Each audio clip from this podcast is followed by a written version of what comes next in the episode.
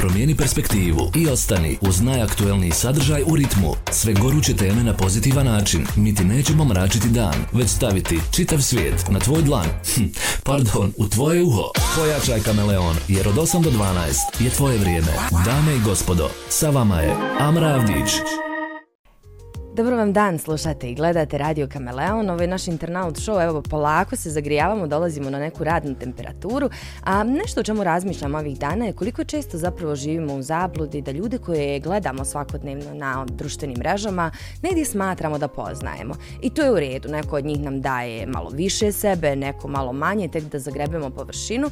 Međutim, problem nastaje, čini mi se u onim trenucima kada sebi damo za pravo da odredimo šta bi oni trebali kada u kom trenutku govoriti na tim istim društvenim mrežama i onda opet se vraćamo na to koliko smo u redu i koliko razumijemo uh, gdje sežu granice, pa evo i kada je u pitanju influencing svijet. Evo recimo da pričamo u nastavku u njemu, meni zaista jako drag gost.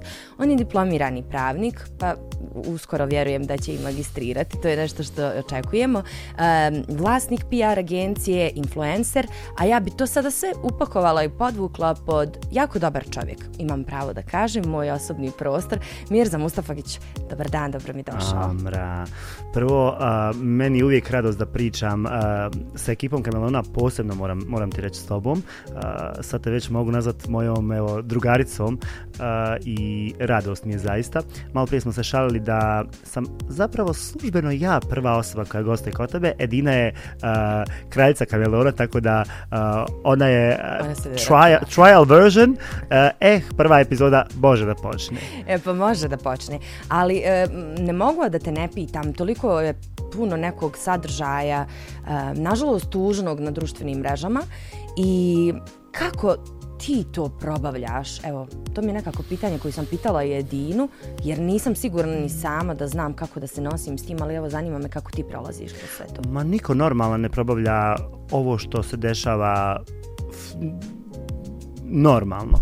Zaista um, posebno, posebno ja koji, koji imam nekakvu nažalost u ratnu pozadinu gdje je u ratu koji se desio kod nas ja sam izgubio oca, djeda i dajđu um, to uvijek budi neke nove emocije možda za koje nisam ni znao da postoje.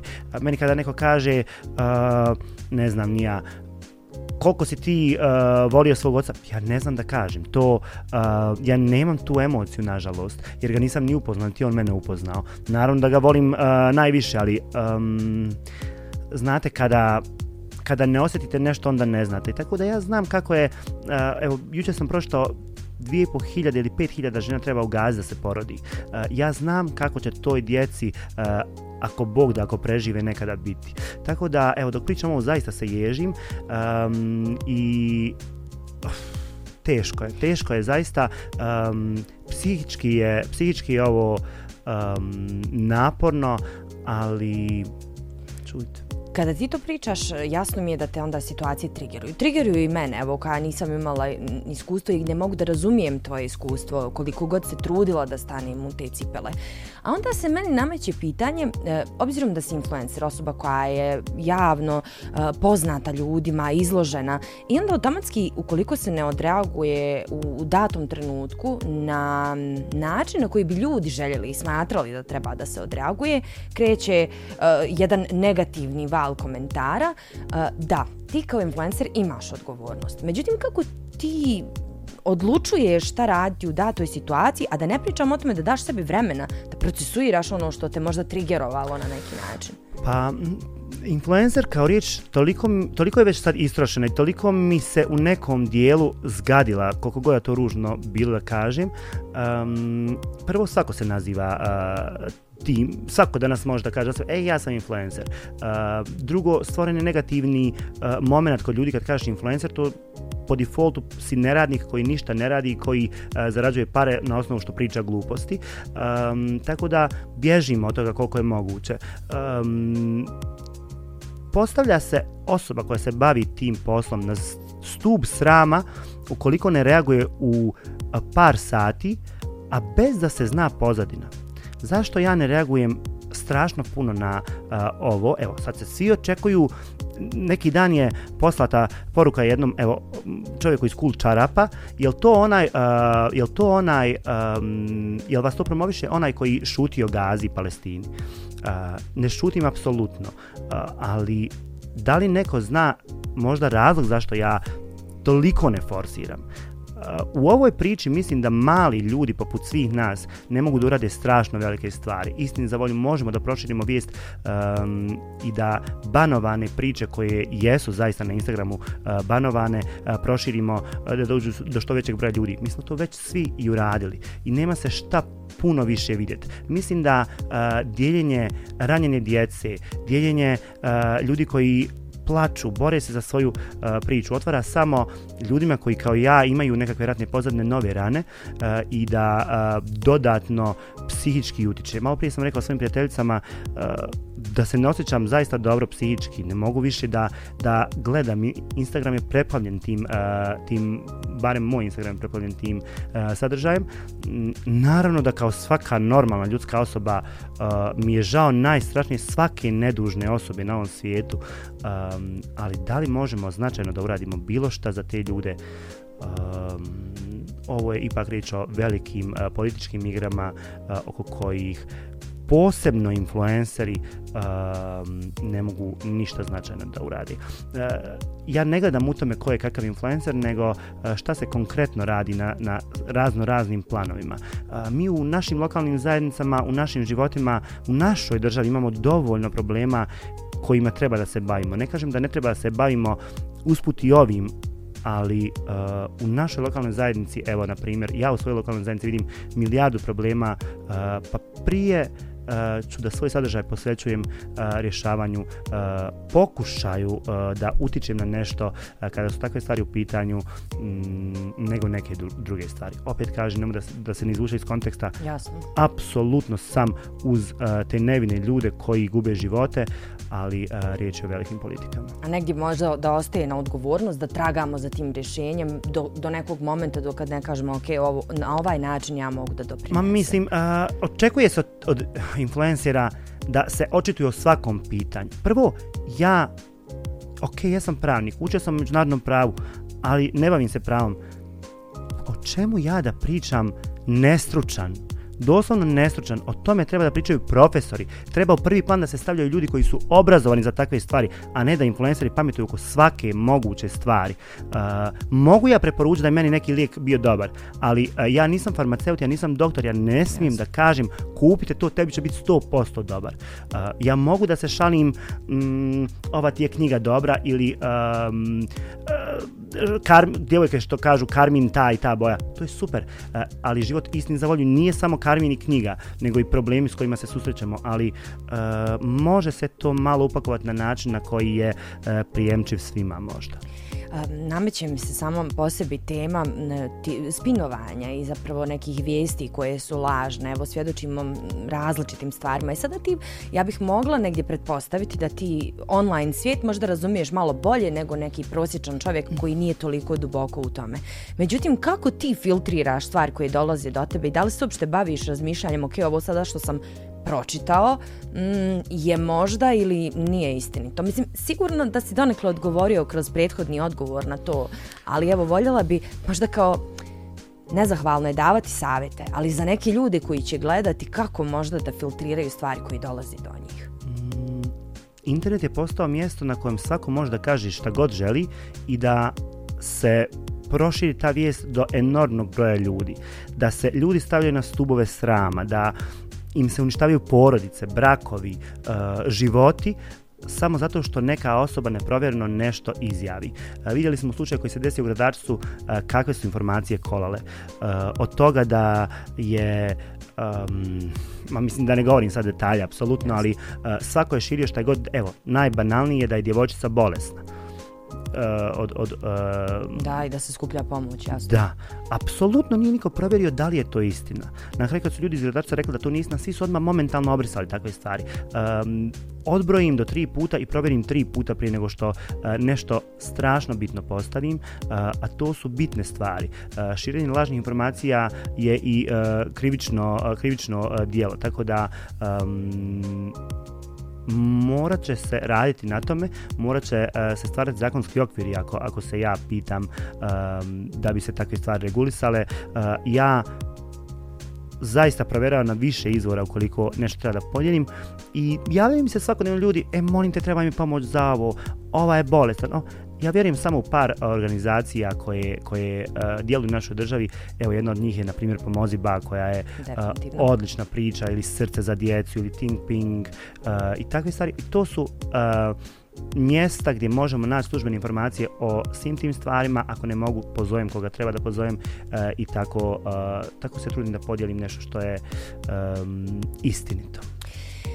Išli smo sada poprilično onako globalno sa ovim temama. Teška tema, Amra, za početak. E, pa jesu, ali ja stvarno mislim da život. trebam da iskoristim sagovornika preko puta sebe i možda nisu česte prilike. E, priča se o nekim ljepšim stvarima, ne kažem, završit ćemo mi u jednom ljepšem mm -hmm. duhu. Sigurna sam u to, ali e, zašto ne iskoristiti? Ja i kako smatram da imaš šta da kažeš. Apsolutno, Amra, ja imam mišljenje o svemu, da ti kažem najiskrenije, ali ne, ne smatram da se treba baš uvijek i o svemu uh, govoriti javno. Um, trudim se da trudim se da filtriram jako, jako, a pritom da budem i dalje onaj stari i iskren i ono na što su ljudi navikli. Ali to je ta odgovornost. Ja jednostavno ne mogu percipirati drugačije. Uh, kada pustiš u onom momentu, kada pustiš riječ u eter, ajde tako da kažem, po nekom svom mhm. profesionalnom mm -hmm. načinu, uh, teško je možeš vratiti nazad. I onda je definitivno možda bolje i sačekati i odležati. Ok, uh, uhvati nas bijes. Ja mogu da pričam iz nekog ličnog primjera uh, kada se desila čitava ta situacija u gradačcu. Nađeš se onako na koljenima kao čovjek nemoćan i onda te taj bijes vodi, ali kada si toliko javna ličnost kao što si recimo ti u ovom slučaju, e, kakva god da je situacija, mislim da nije loše pričekati samo da, da, da imaš te sve prave informacije. Sad, da li nam one od institucija stižu blagovremeno, to je neka druga tema i nju ćemo preskočiti. Ovaj, nije za ovu priliku i ne bi htjela da idemo, da se ne iznerviram, šast. A, ali hoću da spustimo sada ovu priču na malo lični nivo, a negdje vjerujem da će pomoći a, mladim ljudima koji tebe prate, evo, nadam se i nas gledaju u ovom trenutku. Um, ti si sam priznao određenu situaciju, odnosno priznao, ispričao svoju situaciju koja se tiče negdje tog cyberbullyinga, ajde da to tako uh, i nazovemo. Uh, I ono što mene zanima, živimo u tom dobu gdje koliko god se roditelji trudili, jako teško mogu da potpuno iskontrolišu šta njihova djeca radi na internetu. A kada pričam sa mlađima, a imala sam evo u zadnjem periodu priliku da pričam sa tom nekom Gen Z, mm -hmm. um, ovaj, postaju anksiozni iz e, strahova da koliko god žele biti prisutni na društvenim mrežama, e, strah ih je komentara. E, šta će neko napisati o njima, koliko brzo će otići, ukoliko nešto kažu, napišu, fotografišu i slično. Kako si ti prošao kroz taj moment? Dugo mi nismo znali zapravo šta se tebi dešava. Kako si se sa svom slikom e, nekakve sreće i pozitive koju nosiš borio unutar sebe i unutar svoje kuće, jer ne razmišljaš, ja vjerujem, ti tu samo o sebi. Tu je sigurno jedan veliki krug ljudi na koje ti misliš, svojih prijatelja, porodice, a da ih kače postupci koje neko tebi nanosi. E, pa nije to apsolutno jednostavna, e, jednostavna situacija. Kako god ja bio strašno veseo, nasmijan, evo i ovim momentima, e, ja, ja objavljam u većini slučajeva stvari lijepe koje se meni dešavaju. Uh, pitaju me ljudi stalno, evo zašto ne snimaš na YouTube-u? Ne mogu da snimam kad, e, na primjer, moju mamu boli rame, pa ona nije raspoložena, pa to samim tim utiče na moje raspoloženje. Mm, I cijeli je to jedan krug nekakvih uh, i emocija i uh, toga šta ja moram, šta trebam, šta ne trebam i tako dalje.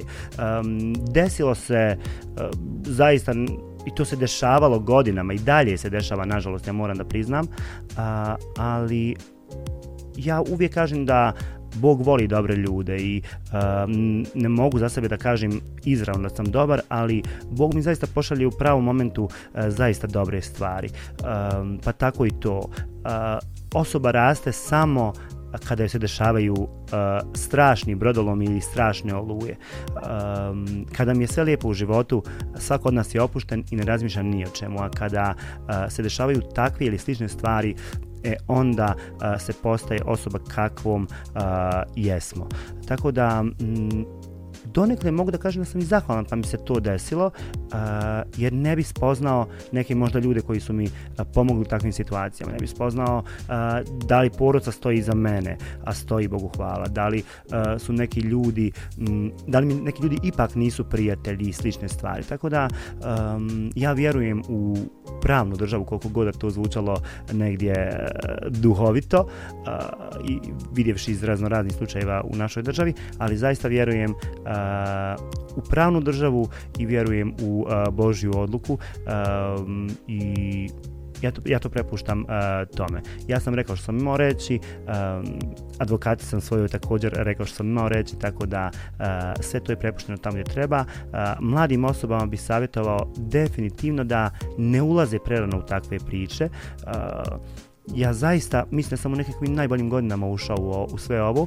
To je bilo neki 24-5 godina. Uh, ja sam tada već bio pri kraju fakulteta. Uh, apsolutno mi je nepojmljivo da roditelji podržavaju svoju djecu da ulaze u um, pubertetu ovakve priče um, ja svom djetetu ne bih, uh, ne bih dao da, da bude dijelom uh, javne scene tako mlad.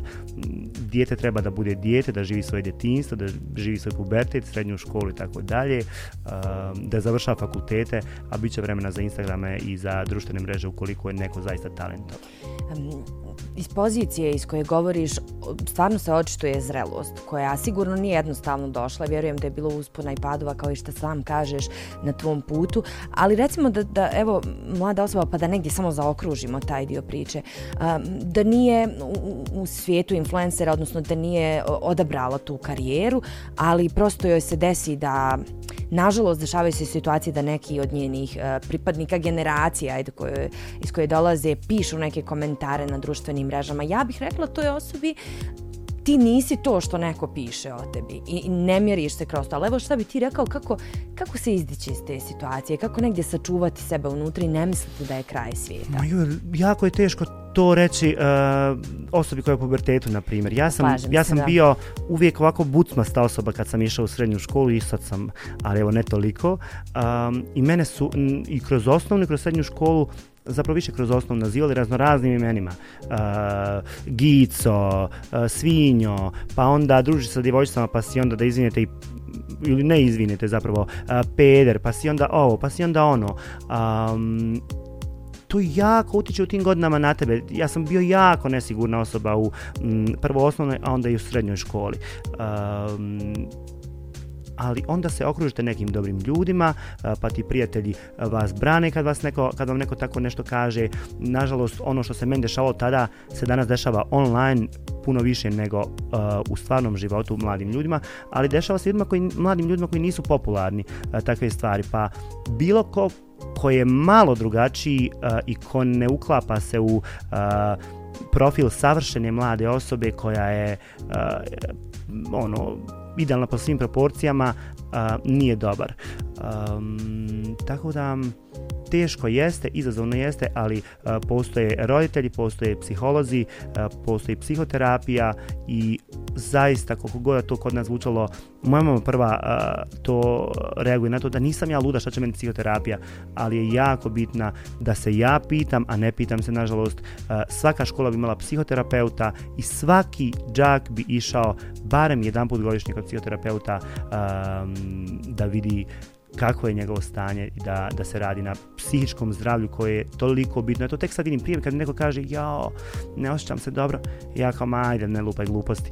Ali danas zaista je jako bitno. To isto kao kad mi je prije neko rekao vrijeme novac, ma ajde ne lupaj gluposti. E da, To je isto tako. Zaista vrijeme jeste novac i psihoterapeut je zaista ne, neophodan. pa sigurno, mislim, kao što smo imali higijeničare u školi, zašto ne bismo imali nekoga za našu mentalnu higijenu? Puno bitnije od ove. Slažem se. Idemo na lijepe teme. E, ne lijepe, nego prelijepe su stvari koje radiš zajedno sa ljudima uh, koji, koji te prate. I mislim da ste zapravo bez njih ne bi bilo tebe, bez tebe ne bi bilo njih okupljenih na jednom mjestu i to je nekako sve uh, zajednički povezano u jednu prekrasnu simbiozu. A, dakle, nevjerovatni su rezultati svake godine koje napraviš kroz Race for the Cure. Ja nisam sigurna sad u ovom trenutku ne bi da pogrešim cifru, ali samo tvoj uh, i tim tvoje mame zapravo je skupio neki ozbiljan iznos, naravno i svi ostali timovi. Uh, jedna nevjerovatna priča uh, koju si napravio sa cool čarapama. Uh, u par navrata sam srela ljude koji su mi rekli, znaš, mene Mirza nervira, ali ovo što je napravio, i onda tako, to je, to je sjajno, kako si nas ujedinio i kako, kako to uh, radiš uspješno. Evo, to je možda ta svrha. Ja kažem, Mirza je za mene više od više od dobre modne kombinacije i nekog dobrog uh, eventa na koji odeš i slično, um, ali šta te vozi žargonski rečeno? Uh, da se ne umoriš, ok, sigurno ovakvi rezultati, ali baš toliko, u tolikoj mjeri uh, da povezuješ ljude, da si uopšte toga svjestan? Draga Amra, koliko me nahvali, meni kunem ti se suze oči upravo u ovom momentu. ali ja to stvarno Iako mislim. bi neko ovaj, rekao da ja nisam emotivan, ali ja sam samo jedan rak uh, u finalu. Au. u finalu. Um, stvari od kojih se ježim su ono za čime ja tragam. Uh, ti dok si ovo pričala, evo ja, ja upravo sada se može vidjeti da se ja ježim uh, dok pričam o tome. Um, šta je bitno da ako ćemo samo sebi donijeti neku korist, uh, koja je naša svrha zapravo u cijelom tom uh, javnom prostoru? Um, za moj pojam nikakva. Um, voze me, evo tako da kažem, voze me uh, uspješne priče i drugih ljudi koji su oko mene. Uh, da meni je najveći ponos kad mene ljudi na ulici zaustavljaju, zaustavljaju me u zadnje vrijeme jako često da mi kažu za te cool čarape. Meni je radost da nekoga koga ja ko mene, ko mene ne simpatiše da kaže takvu, takvu riječ. Apsolutno je okej okay da me neko ne simpatiše, ali um, meni to, meni to znači. Uh, posebno znači od ljudi koji me prate. Sve to divno i krasno, nek pričaju ljudi koji mene možda ne simpatišu takve priče, ali uh, na kraju ja ostajem sam sa ljudima koji, koji mene prate. Tako da vozi me i ono što mi daje vjetar u leđa um, su zajednički uspjesi i um, neke priče koje ne možemo vidjeti stalno. Toliko smo okruženi nekakvim lošim vijestima i negativom da ah, me glava, glava često zaboli od toga. Um, e pa hajde da probamo na malo drugačiji način. Hajde da budemo neki izvor svjetlosti koliko god je to moguće u ovoj tami u kojoj, eh, u kojoj živimo kao cijeli svijet, a ne samo kao naša država. Tako da eh, to, su, to su neki momenti koji meni znači privatno, eh, privatno dosta. Um, a, evo, nadam se da i, da i ljudima, nadam se da i zajednici u kojoj, kojoj živim. Definitivno jeste.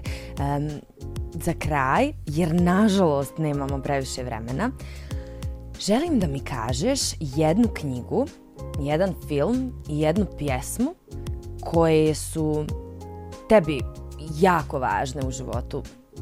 Sve tri um, sve tri kategorije su za mene jako, jako nekako bitne i čine moj život ljepšim. Uh, knjiga Pa ja sam išao u gimnaziju Meša Selmović, tako da Meša Selmović je moj uh, favorit za uvijek. Eh, uh, Derviš smrt je knjiga koju svako treba da pročita barem jednom u životu. Mislim da je svako treba čitati i mislim da je meni vrijeme da je ponovo pročitam. Mislim da je svako treba čitati par puta u životu, um, u različitim razdobljima i u različitim životnim momentima i da će svaki put drugačije razumjeti.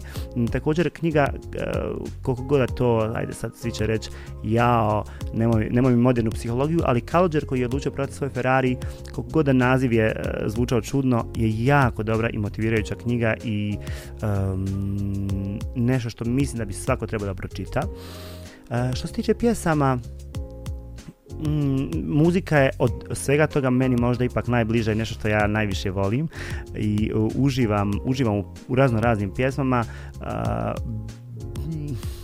nemam, nemam, nemam omiljenu pjesmu uh, Kao ti omiljena Ninina pjesma. Mislim, ja O, znam, ali aj pitat ću. Nina je, imam dvije, ako kažeš da me ne voliš i nek ti bude kao meni. Ja volim pjesme uglavnom koje nisu strašno popularne. Naprimjer, evo, prvo što mi pada na pamet je Dino Merlin Grudobolja pjesma, jedna divna pjesma. Klub ko sa Vesnom Zvijanac, isto Dino Merlin. Ma joj, imam pjesama milijardu. Onda ima pjesme ja nisam plačljiva osoba, ali ima pjesama od kojih mi zasuze oči i od kojih ja mogu odmah da plačem. A, to Poslije mi je... kad se ugasi svjetlo, reći ću ti ja svoju, mogu. Moja je, ja imam više tih pjesama, ali uh, evo, evo Zimač od uh, Lijepe Brine je jedna od tih pjesama. Ali se ja ovamo ishvali, ja vam onda... uh, Film. Film. Ha. Kažem, evo, može da bude čak i onako dobar film, evo, ljudi su odgledali ovaj razgovor, idu polako ka, ka kraju Definitivno dana. Barbie nije taj film. Ni Uh, ne znam, ne znam zaista, ovo je ko leksikonno prije Titanic. Uh, ne znam ti reći tačno film koji je, nijedan film nije strašno utjecao na mene. Mm, ja više volim nekako, nekako serije, možda i Netflix je moj cup of Ajde, tea. ajde, ajde. U, ja ti volim, znaš kako ja, koje ja gledam uh, serije i filmove? Oni od kojih me glava zaboljeti neće. Znači, ja volim sve ono što je lagano, što je pitko, uh, ne znam, Selling Sunset i ta, ta, te divote, nemoj mi teški tema, dovoljno mi je uh, što svakodnevno proživljavam nekakve ono ups and downs, hoću da se opustim maksimalno kad takve stvari gledam i moram da priznam da ja volim i tursku uh, kinematografiju jako, uh, meni su oni jako dobri, jako ih volim i uh, pogledam često nešto njihovo. E pa super, ja ću sad ovo da nekako ono kao štrihiram da si mi dao odgovore. Um, Treći sam smatio, ali dobro jesi gledao kad seriju Billions? Ne je Objasnit tvoja, ću ti zašto trebaš. Baš sam sinoć konstatovala, ok, mislim da imam omiljenu seriju Da postanemo bilioneri nešto, jel? Pa, trebamo krenuti početi Nemo raditi dovoljno, tome. dovoljno milioneri da budemo. Ma da, i slažem se. Hvala ti Mirza puno. Hvala ti prije svega što si dosljedan i odgovoran prema onome što radiš, prema publici koja te prati. Hvala ti što si uvijek nama dobar partner u svemu što radimo. Pa evo da mi bude sasrećom ovaj tvoj dolazak. Ma ne sumnjam da ćeš ti uh, imat uh, jedno deset sezona minimalno, a želim ti da doživite strašni uspjeh, uh, a vjerujem kao i sve što ti radiš, da radiš tako lijepo. A, uvijek mi je radost biti sa vama, hvala vam što me zovete samo da pravimo neke lijepe priče. A, hvala vama što dajete pozitivne priče uh, u, u eter i što uh, potičete ljude da budu uh, još bolji. Hvala ti puno Mirza još jednom. Hvala i vama koji ste bili uz nas. Vidimo se već sutra i ostanite uz Radio Kameleon. Promijeni perspektivu i ostani uz najaktuelniji sadržaj u ritmu. Sve goruće teme na pozitivan način. Mi ti nećemo mračiti dan, već staviti čitav svijet na tvoj dlan. Hm, pardon, u tvoje uho. Pojačaj kameleon, jer od 8 do 12 je tvoje vrijeme. Dame i gospodo, sa vama je Amra Avdić.